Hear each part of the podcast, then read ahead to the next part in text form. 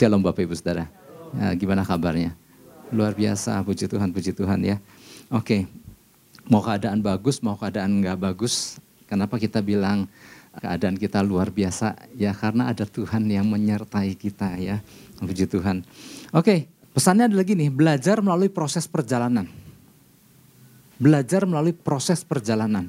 Jadi seperti yang udah kita sering dengar ya, perjalanan kita mengiring Tuhan itu digambarkan bagaikan perjalanan bangsa Israel keluar dari Mesir menuju tanah perjanjian.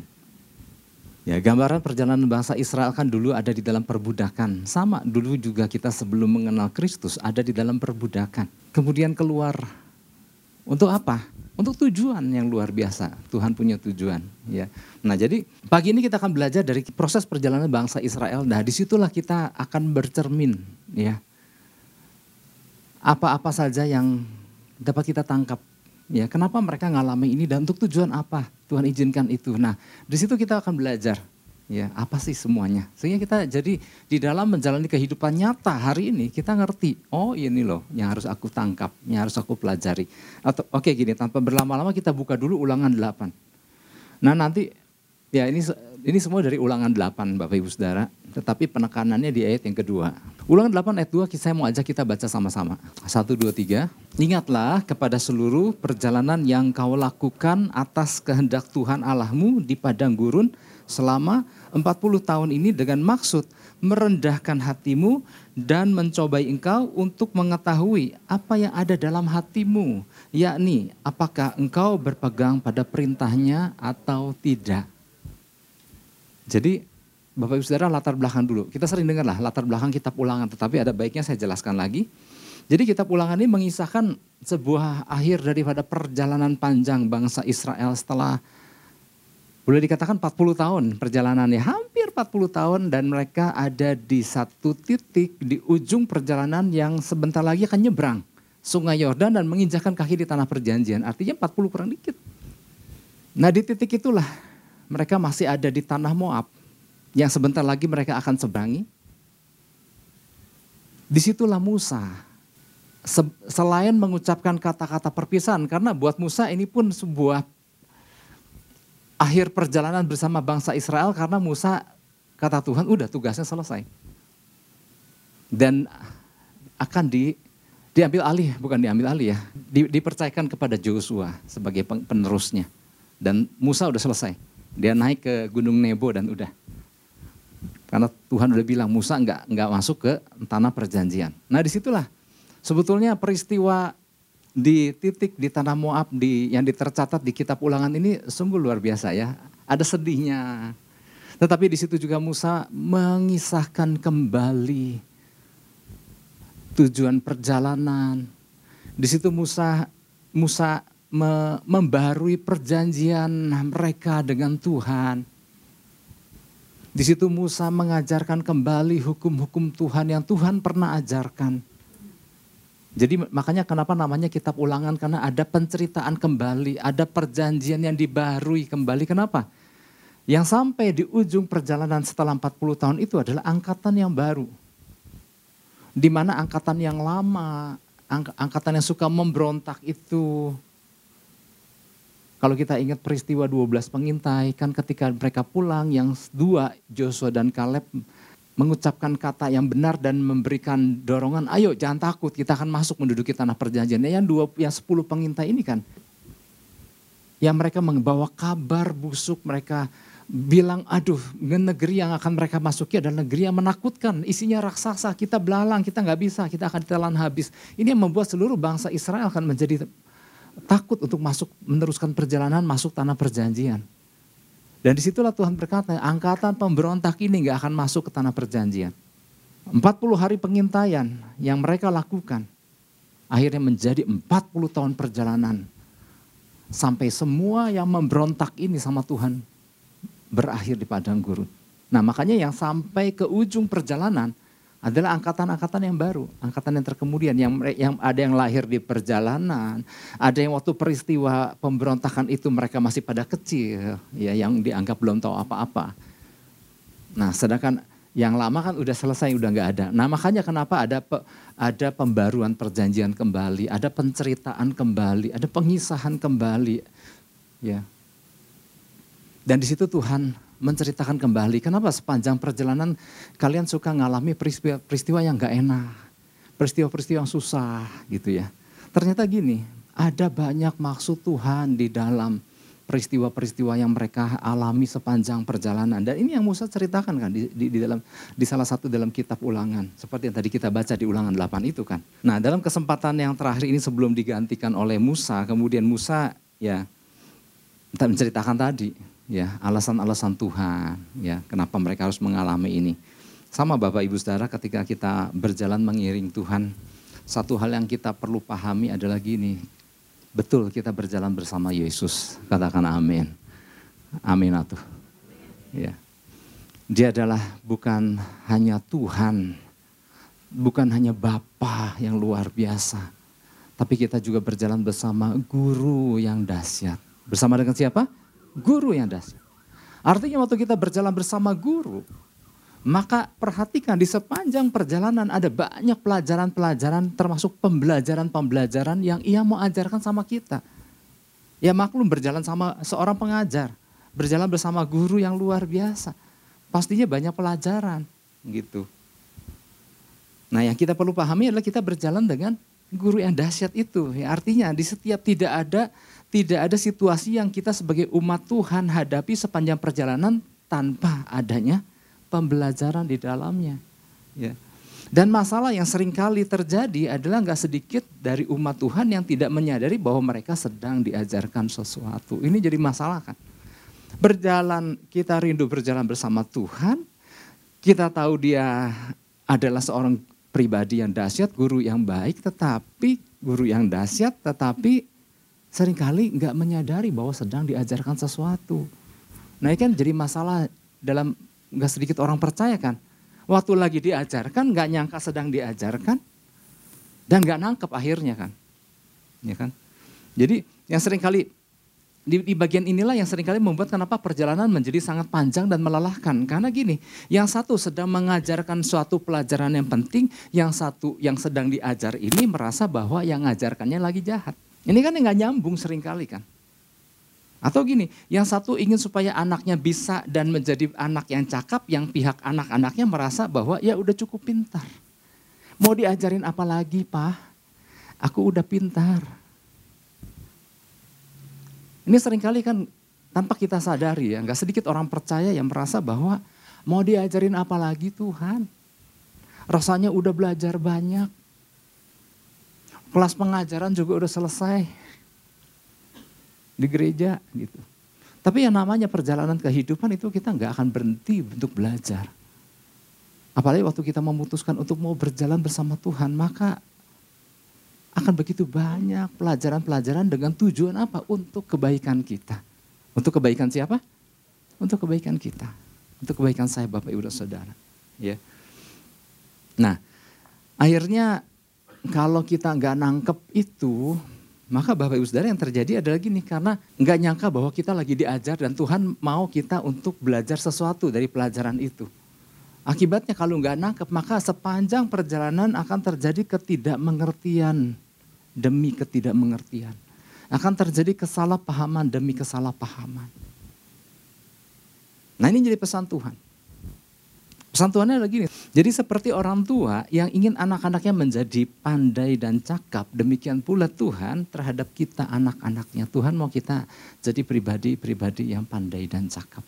ya Pandai ya dan cakap jangan lupa. ya Ada banyak pembelajaran yang Tuhan mau kita pahami, bukan bukan semata-mata melalui sebuah pembelajaran formal sebagai seperti seorang murid yang duduk di bangku sekolah, tetapi banyak hal yang Tuhan mau ajarkan ya Kesalahpahaman yang sering kali terjadi di dalam hal pembelajaran adalah bahwa yang namanya belajar adalah ketika ada seseorang yang lagi menjelaskan di depan kelas. Nah itu saya lagi belajar pak, karena ada guru yang mengajarkan. Ya bagus, nggak salah dengan itu. Tetapi dalam perjalanan pengiringan kita sama Tuhan, pembelajaran itu nggak selalu ketika ada seseorang yang lagi mengajarkan. Tuhan nggak selalu bilang, eh dengar aku lagi ngajarin engkau. Enggak selalu seperti itu. Di, di dalam berbagai situasi, di dalam berbagai keadaan, di situ banyak sekali pelajaran-pelajaran yang sedang Tuhan ajarkan kepada kita. Nah ini kan yang sering kali salah tangkap kan. Makanya gini Bapak Ibu Saudara.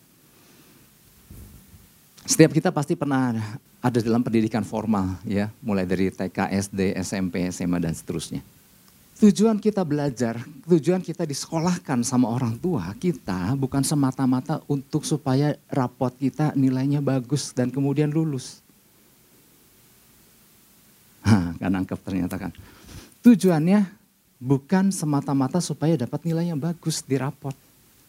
Tetapi gini, lewat waktu kita dikirim ke sekolahan dan kita ditempatkan di sekolah, di kelas itu dengan berbagai murid, dengan berbagai macam guru dan lain-lain. Untuk apa? Selain kita belajar untuk dapat nilai yang bagus, kita juga belajar di situ. Bagaimana berinteraksi dengan orang-orang. Itu pelajaran itu. Bagaimana ketika teman ngajak nyontek. Kita di situ, aduh nyontek jangan, nyontek jangan gitu ya. Itu kan pelajaran tersendiri yang gak ada di dalam kurikulum ya nanti di rapat itu nggak nggak muncul nilai itu. Itu karena kan hubungan kita sama teman. Belajar bagaimana kita berbagi dengan teman bagaimana kita di dalamnya juga belajar bergaul. Tapi jangan lupa juga di situ ada di dalamnya belajar disiplin. Nah artinya gini selain angka ternyata ada banyak pembelajaran-pembelajaran yang kita bisa peroleh. Kan ada anak kan ada murid yang waktu sekolah dia khusus konsentrasi di mata pelajaran tapi nggak mau bergaul orang Nah dia kan sebetulnya merah di dalam hal bergaul sebetulnya. Nah ini, ini ada gambaran bahwa waktu kita mengiring Tuhan, bukan semata-mata kalau kita dijawab berapa murid Yesus 12 dan siapa namanya, namanya kita apa, bukan cuma semata-mata itu. Ada berapa kita perjanjian baru, ada berapa pasal kita perjanjian lama, ada berapa total ayat, bukan cuma semata-mata bisa menangkap itu. Mungkin yang sekolah teologi ya bisa jawab itu. Tetapi kan mengiring Tuhan bukan semata-mata soal itu. Siapa penulis kitab ini gitu. Tetapi ada pembelajaran-pembelajaran di dalam kehidupan nyata. Di mana gurunya adalah Tuhan kita. Dan Tuhan mau kita yuk belajar di situ. Jadi ada ada ada ada seorang pendidik ini Bapak Ibu Saudara, ada tokoh. Ada seorang pakar pakar pendidik, pakar pendidikan namanya Thomas Stanley dia bilang gini, ini pakar pakar pakar, pendidikan kelas dunia ya. Dia sering dia bilang sering kali banyak disalahpahami oleh orang-orang termasuk para orang tua, termasuk para murid. Bahwa betul kenapa orang-orang dididik, kenapa anak-anak dididik supaya berhasil kan suatu, untuk mereka suatu hari kelak berhasil dalam kehidupan. Nah sering kali yang yang sering kali disalah pahami sama orang tua supaya anaknya berhasil, maka itu maka anak itu harus dapat nilai yang tinggi. Ya nggak salah memang harus dapat masa nol gitu ya, masa merah gitu ya. Tetapi yang dalam pikiran banyak orang tua adalah supaya anaknya berhasil, dia harus dapat IPK yang besar. Name-nya ya.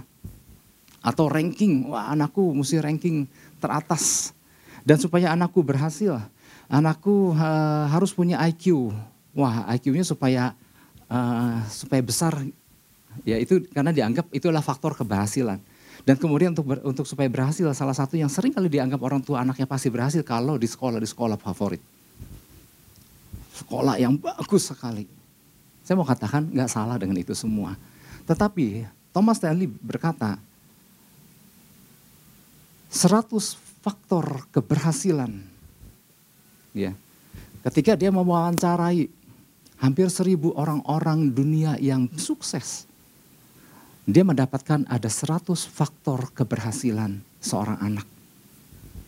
Ternyata gini Bapak Ibu Saudara. Ranking atau nilai itu adalah faktor ke-30. Bukan yang pertama. IQ adalah ada di urutan faktor ke-21. Sekolah favorit ada di urutan ke-23 Artinya kalau sampai anak bapak ibu saudara enggak sekolah di sekolah favorit, jangan pikir wah bakal gagal punya deh. Oh enggak. Itu hanya di faktor faktor penentu sukses hanya di nomor 20 hat. Dan Thomas Stanley berkata, faktor 10 teratas, faktor keberhasilan seseorang, bukan yang tadi. 10 teratas adalah karakter, kejujuran, kedisiplinan, pergaulan, ya kerja keras tentunya ada, kepemimpinan, ya kepribadian, hidup yang teratur. Bahkan di dalam kitab Amsal, di situ dikatakan takut akan Tuhan adalah permulaan pengetahuan. Ternyata faktor-faktor keberhasilan bukan yang tadi, bukan yang angka-angka tadi, bukan sekolah-sekolah. Nggak salah, maksudnya jangan disalah. Oh jadi kalau gitu sekolah mah di mana aja gitu ya. Tapi terserah sesuaikan dengan kemampuan gitu maksudnya. Tetapi faktor keberhasilan adalah tentang apa? Karakter. Ya, artinya gini, orang tua nggak cukup asal bisa menyekolahkan anaknya di sekolah bagus, bukan itu. Ya nggak cukup, ya syukur-syukur silahkan kalau bisa sekolah-sekolah bagus. Tetapi faktor penentunya apakah si orang tua memberikan contoh dalam kepada anak-anaknya dan mengajarkan nilai-nilai kebenaran kepada anaknya. Itu faktor keberhasilan. Yang setuju katakan amin. Ketika anak nggak mendapat contoh yang benar dari orang tua, Itulah salah satu faktor kegagalan. Bukan soal kenapa nilai kamu kok nggak bagus. Kenapa kamu nggak sekolahnya kok ambil jurusan yang salah. Bukan yang itu. Oke ini kembali lagi. Maksudnya saya lagi menjelaskan di dalam mengiring Tuhan. Bukan cuma soal tadi, bukan cuma soal pengetahuan formal. Itu belajar bagus. Tetapi gini, ada sekolah kehidupan. Atau gini, kalau kalau dis, kalau disandingkan dengan perjalanan bangsa Israel menuju dari Mesir menuju tanah perjanjian ada sekolah yang namanya kan SPG, sekolah padang gurun. Di mana salah satu faktor penentunya adalah ngerti apa yang lagi Tuhan ajarkan. Seringkali kan panjang pendeknya sebuah suatu situasi atau suatu problema Salah satu penyebabnya adalah nggak nangkep-nangkep bahwa Tuhan lagi ajarkan gitu. Nah lewat lewat pesan ini Tuhan lagi mau ingatkan kita bahwa eh banyak hal yang lagi Tuhan ajarkan loh. Kadang-kadang memang itu suatu situasi kita diperhadapkan dengan satu situasi yang nggak enak atau berbagai situasi yang nggak enak. Tapi intinya adalah gini, yuk, yuk belajar nggak di situ gitu. Ini pesan ini untuk kita semua, saya Bapak Ibu Saudara. Makanya pesannya ada belajar lewat sebuah perjalanan. Nah ini Bapak Ibu Saudara ya. Kita ada di dalam zaman saat ini zaman yang serba instan, apa pun jadi instan, ya. Mie instan udah pasti semua suka, ya. Apalagi, ya banyak banyak banyak yang instan ya. Nyuci baju mau instan jadi kering langsung. Serba instan Bapak Ibu Saudara. Sampai-sampai gini, ada orang pengen yang namanya iman yang instan, pertumbuhan iman yang instan. Nah ini kan yang gak mungkin. Tuhan mau kita iman bertumbuh lewat sebuah perjalanan. Hari lepas hari bersama Tuhan. Belajar sesuatu, nangkap sesuatu, oke aku ngerti sekarang maksud Tuhan. Nah makanya makanya Bapak Ibu Saudara, waktu kita berjalan sama Tuhan siap untuk diajar. Kadang melalui situasi-situasi yang gak enak. ya ada satu satu hamba Tuhan ya orang Jepang ya namanya kita jarang dengar hamba Tuhan orang Jepang Kosuke Koyama. Kosuke Koyama adalah so, adalah ya hamba Tuhan dia dia bilang begini bahwa Tuhan atas bangsa Israel yang adalah Tuhan kita adalah Tuhan yang berjalan lima mil per jam katanya. Wah apa maksudnya Tuhan yang ber, yang menyertai kita Tuhan kita adalah Tuhan yang lima mil per jam. Artinya gini, lima mil per jam itu apa? Kecepatan seorang waktu berjalan kaki. Yang dipakai adalah yang dipakai acuan adalah perjalanan bangsa Israel kan berjalan kaki itu dari dari Mesir menuju tanah perjanjian dengan kecepatan yang mungkin kurang lebih 5 mil per jam. Ya relatif sih ya, kurang lebih di situ. Artinya kenapa dia katakan bahwa Tuhan kita adalah Tuhan 5 mil per jam, artinya dia siap menemani, menuntun di setiap langkah perjalanan kita dan sambil dia menuntun, sambil dia mengajarkan banyak hal. Itu maksudnya. Nah yang jadi masalah ada gini, nangkep enggak gitu. Pelajaran demi pelajaran yang Tuhan ajarkan kepada kita. Apa yang harus kita pahami kalau gitu berkaitan dengan pesan Tuhan ini agar kita menjadi umat yang mudah menangkap pelajaran penting apa yang sedang Tuhan ajarkan kepada kita. Yang pertama adalah gini, belajar untuk mengendalikan reaksi atau respon hati atas apa pun yang terjadi. Belajar untuk mengendalikan reaksi atau respon hati atas apa pun yang terjadi. Karena gini, kalau kalau respon hati atau reaksi kita keburu salah, kebanyakan nggak nangkep. Karena untuk nangkap pelajaran dibutuhkan sebuah sikap hati yang tenang dulu. Apa nih yang lagi Tuhan ajarin gitu. Karena kan respon meledaknya itu yang membuat kemudian lupa bahwa Tuhan lagi ajarkan sesuatu. Ulangan 8 ayat 2 yang tadi ya. Ingatlah kepada seluruh perjalanan yang kau lakukan atas kehendak Tuhan Allahmu di padang gurun selama 40 tahun ini dengan maksud merendahkan hatimu dan mencoba engkau untuk mengetahui apa yang ada dalam hatimu. Yani apakah engkau berpegang atas perintahnya atau tidak. Nah umat Israel yang kita yang yang kita sering baca Umat Israel pada waktu itu adalah umat yang terkenal dengan respon cepatnya itu, dengan reaksi cepatnya itu, quick response, ya. cepat untuk meledak, generasi sumbu pendek. Ketika diperhadapkan dengan sesuatu langsung yang mereka reaksi yang mereka lakukan apa? Sungut-sungut. Ya ngapain dong diajak keluar dari Mesir kalau cuma jadinya begini. Haus begini gimana Tuhan gitu ya. Itulah quick response yang yang mereka munculkan ketika menghadapi suatu situasi. Kalau hari-hari ini di masa setelah pandemi, kita mengenal istilah quick response adalah cara pembayaran QR.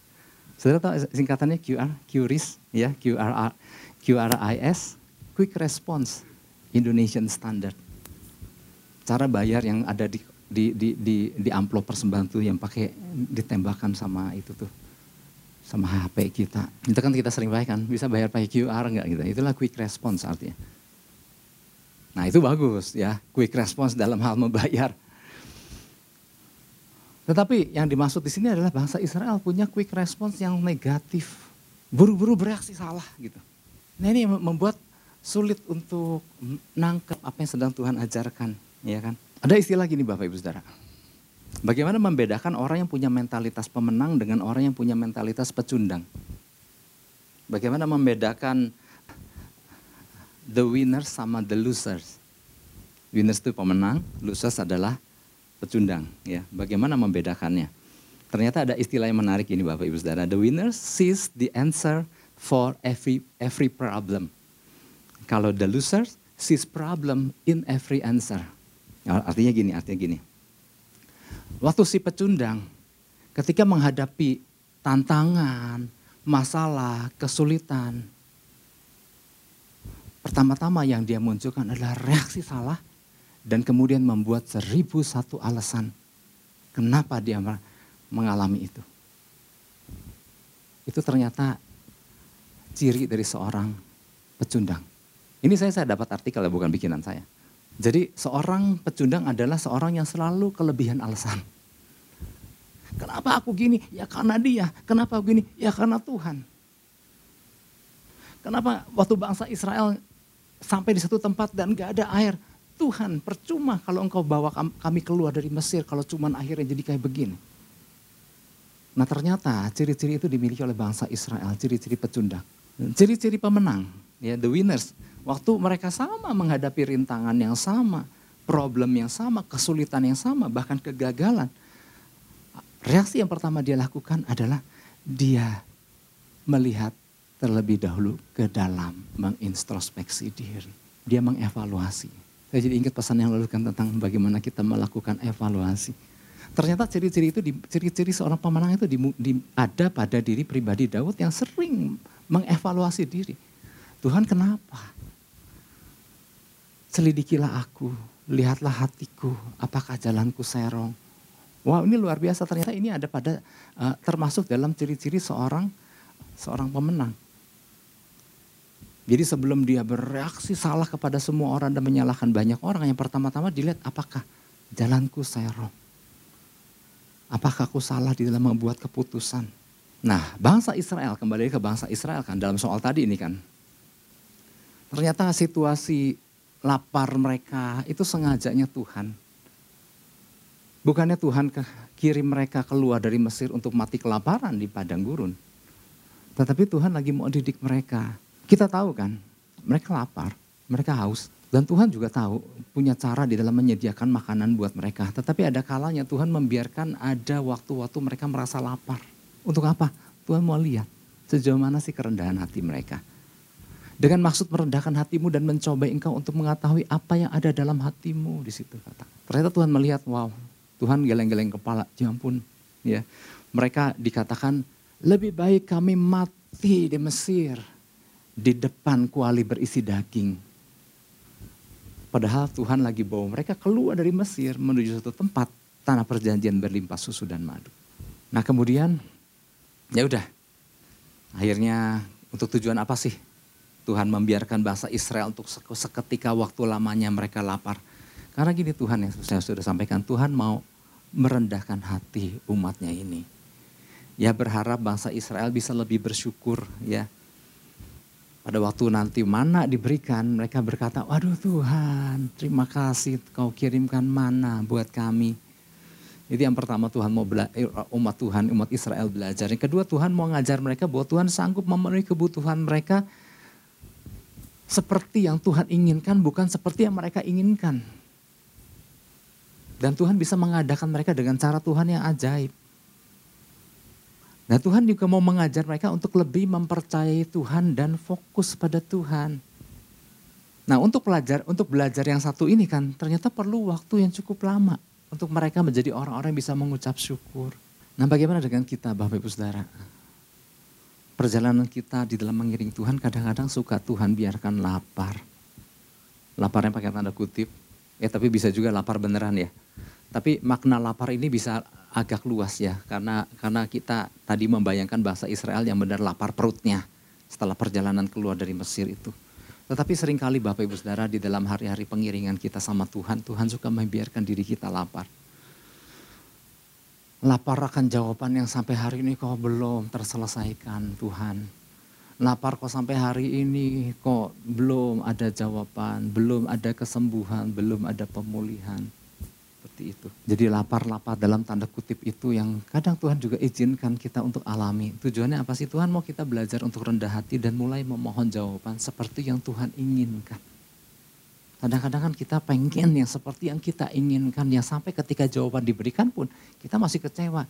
Ya kayaknya gini aja jawab. Tuhan ternyata jawabnya cuma begini aja. Nah terus itu Tuhan mau mengajarkan kita. Jadi Tuhan mau kita belajar untuk apa? Memohon seperti yang memohon jawaban seperti yang Tuhan kehendaki. Belajar menyelaraskan diri maksudnya. Terus apa lagi? Tuhan mau kita belajar memfokuskan diri, uh, fokus kita kepada Tuhan. Ya. Di saat-saat kita sedang menantikan jawaban Tuhan, mau kita fokus sama Tuhan. Apa sih yang sedang Tuhan di dalam masa penantian ini? Uh, waktu Tuhan kasih arahan, apakah kita belajar sesuatu enggak di situ di dalamnya? Dan Tuhan juga mau ajarkan kita belajar mengucap syukur di setiap keadaan. Karena percaya bahwa Tuhan kita adalah Bapak yang gak pernah membiarkan anaknya. Nah sering kali kan pelajaran-pelajaran yang sederhana ini kan kadang-kadang lupa. Tuhan ingin kita lulus di satu persatu di setiap mata pelajaran yang kadang orang percaya belum apa-apa sudah merasa lulus. Karena apa? Gak mau belajar. Ah yang kayak gitu mah aku juga bisa tuh. Seringkali gini, yang nilai lulus itu sering kali diri kita. Aku mah gak seperti gitu dah sebetulnya gitu. Kadang-kadang kita suka membela diri kita di saat kita belum ngerti pelajaran apa yang sudah Tuhan ajarkan. Nah sedangkan guru kita, Tuhan kita, sama seperti guru di sekolah kan, kalau belum lulus di satu mata pelajaran kan, kadang-kadang kan ada remedial ya. Ulangan lagi, ulangan, diulang lagi, diulang lagi. Karena apa? Memang belum nyampe nilainya. Itulah sebabnya menjadi salah satu jawabannya kenapa aku ngalami kayak gini terus sih gitu. Padahal salah aku siapa, apa sih gitu. Nah itu kan kadang-kadang nggak belajar gitu. Tuhan lagi melakukan pelajaran ulangan uh, ulangan susulan, yang disuruh ulangan susulan merasa buat apa lagi sih? Aku udah nggak ada masalah di situ gitu. Nah ini yang ini bukti bahwa sebetulnya gini, kita merasa kita udah lulus padahal Tuhan bilang kamu belum. Oke, okay, masih masih berkisar soal karena gini setelah ayat setelah ayat-ayat ini kan kalau kita baca sendiri kan tentang bagaimana Tuhan kasih makan mereka deh. Nah sebetulnya gini, setelah setelah mana setelah mana diberikan Tuhan, ini kan mana kan ajaib kan?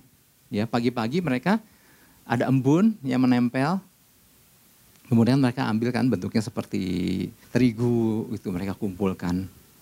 Dan Tuhan tahu, Tuhan juga lagi mau ajarkan mereka di dalam cara mengambilnya. Jadi Bapak Ibu Saudara, detail banget ya. Artinya saya ceritakan gini adalah adalah gini bahwa Tuhan tuh mengajarkan kita di setiap langkah kita. Dalam hal, oke okay, mana udah diberikan. Nah sekarang cara ngambilnya, ternyata Tuhan melihat, ya ampun cara ngambilnya. Begitu kemaruk. Mereka ambil sebanyak mungkin. Sehingga kita mencatat, yang banyak di keluaran 16, yang banyak menjadi sangat banyak ngambilnya. Yang sedikit sangat sedikit ngambilnya. Sehingga Tuhan bilang, bikin aturan. Satu orang hanya boleh ngambil satu gomer per hari. Gomer adalah sebuah takaran ukuran. Dan udah dikasih aturan, satu hari satu gomer, ternyata masih ada juga yang ngambil lebih. Dan di situ Tuhan bilang, kayu kayu kalau you ngambil lebih, you percuma juga. Karena itu akan kalau nggak kemakan akan berulat dan berbau juga gitu, nggak kemakan juga. Nah pelajaran apa yang lagi Tuhan ajarkan di situ? Ya, supaya Tuhan belajar mereka mencukupkan diri mereka. Ya, ketika mana turun mereka berebut mengumpulkan. Padahal gini nggak usah berebut. Itu tersedia tanpa batas kok. Belajar mencukupkan diri. Yang kedua belajar mempercayai pemeliharaan Tuhan. Udah nggak usah sampai banyak ngambil karena gini. Besok juga dikasih lagi. Artinya belajar akan pemeliharaan Tuhan. Nah jadi artinya di poin pertama ini Bapak Ibu Saudara. Tuhan mau kita ya belajar untuk mengendalikan reaksi atas respon hati. Seringkali kalau kita perhatikan bahasa Israel gitu kan. Respon salah, respon salah, respon salah terus. Oke itu yang pertama. Ya jadi hal yang sama juga Bapak Ibu Saudara. Kita diperhadapkan dengan berbagai situasi, berbagai keadaan yang mungkin berbeda satu dengan yang lain. Nah, sama, saya juga diperhadapkan dengan berbagai situasi. Sebelum berangkat aja tadi berbagai situasi. Jangan waktu itu. Berbagai orang telepon ya. Bu, gimana nih Bu? Gini-gini. Bu, gini-gini. Nah artinya belum ngurusin diri sendiri, udah ngurusin juga orang lain gitu. Artinya gini Bapak Ibu Saudara, setiap kita diperhadapkan dengan berbagai hal. Oke, itu yang pertama. Yang kedua, yang kedua belajar untuk menangkap maksud Tuhan di setiap peristiwa yang terjadi untuk tujuan apa sih? Ngajarin-ngajarin gitu Tuhan. Ulangan 8 ayat 7. Ajak saya ajak kita baca sama-sama. Satu, dua, tiga. Sebab Tuhan Allahmu membawa engkau masuk ke dalam negeri yang baik, suatu negeri dengan sungai, mata air dan danau yang keluar dari lembah-lembah dan gunung-gunung. Oke, oke. Ayat 6, ayat 6. Kita lihat ayat 6. Oleh sebab itu haruslah engkau berpegang pada perintah Tuhan Allahmu dengan hidup menurut jalan yang ditunjukkan yang dengan takut akan dia. Terus tujuh. Sebab Tuhan Allahmu membawa engkau masuk ke dalam negeri. Nah artinya gini, sepanjang perjalanan yang panjang itu, kan banyak pelajaran-pelajaran yang Tuhan ajarkan kan kepada bangsa Israel.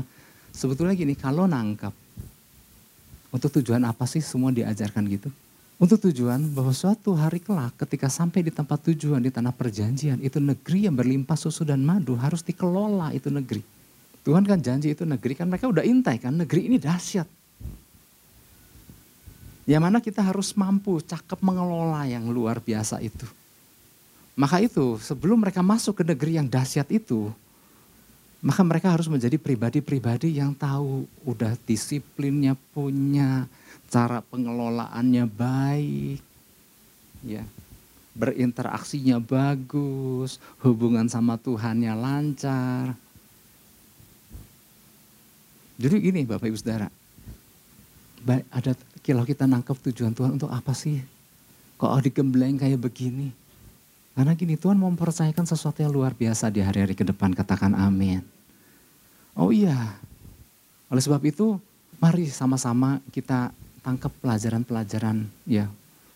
Tuhan mau lihat kan dari hal-hal yang kecil. Makanya di dalam perjanjian baru kan ada ada ada kisah gini kan ada kisah. Ya ada ada ada ada perumpamaan-perumpamaan tentang talenta gitu ya. Seberapapun yang Tuhan percayakan hari ini. Tuhan mau lihat bagaimana ngelola talenta yang ada itu.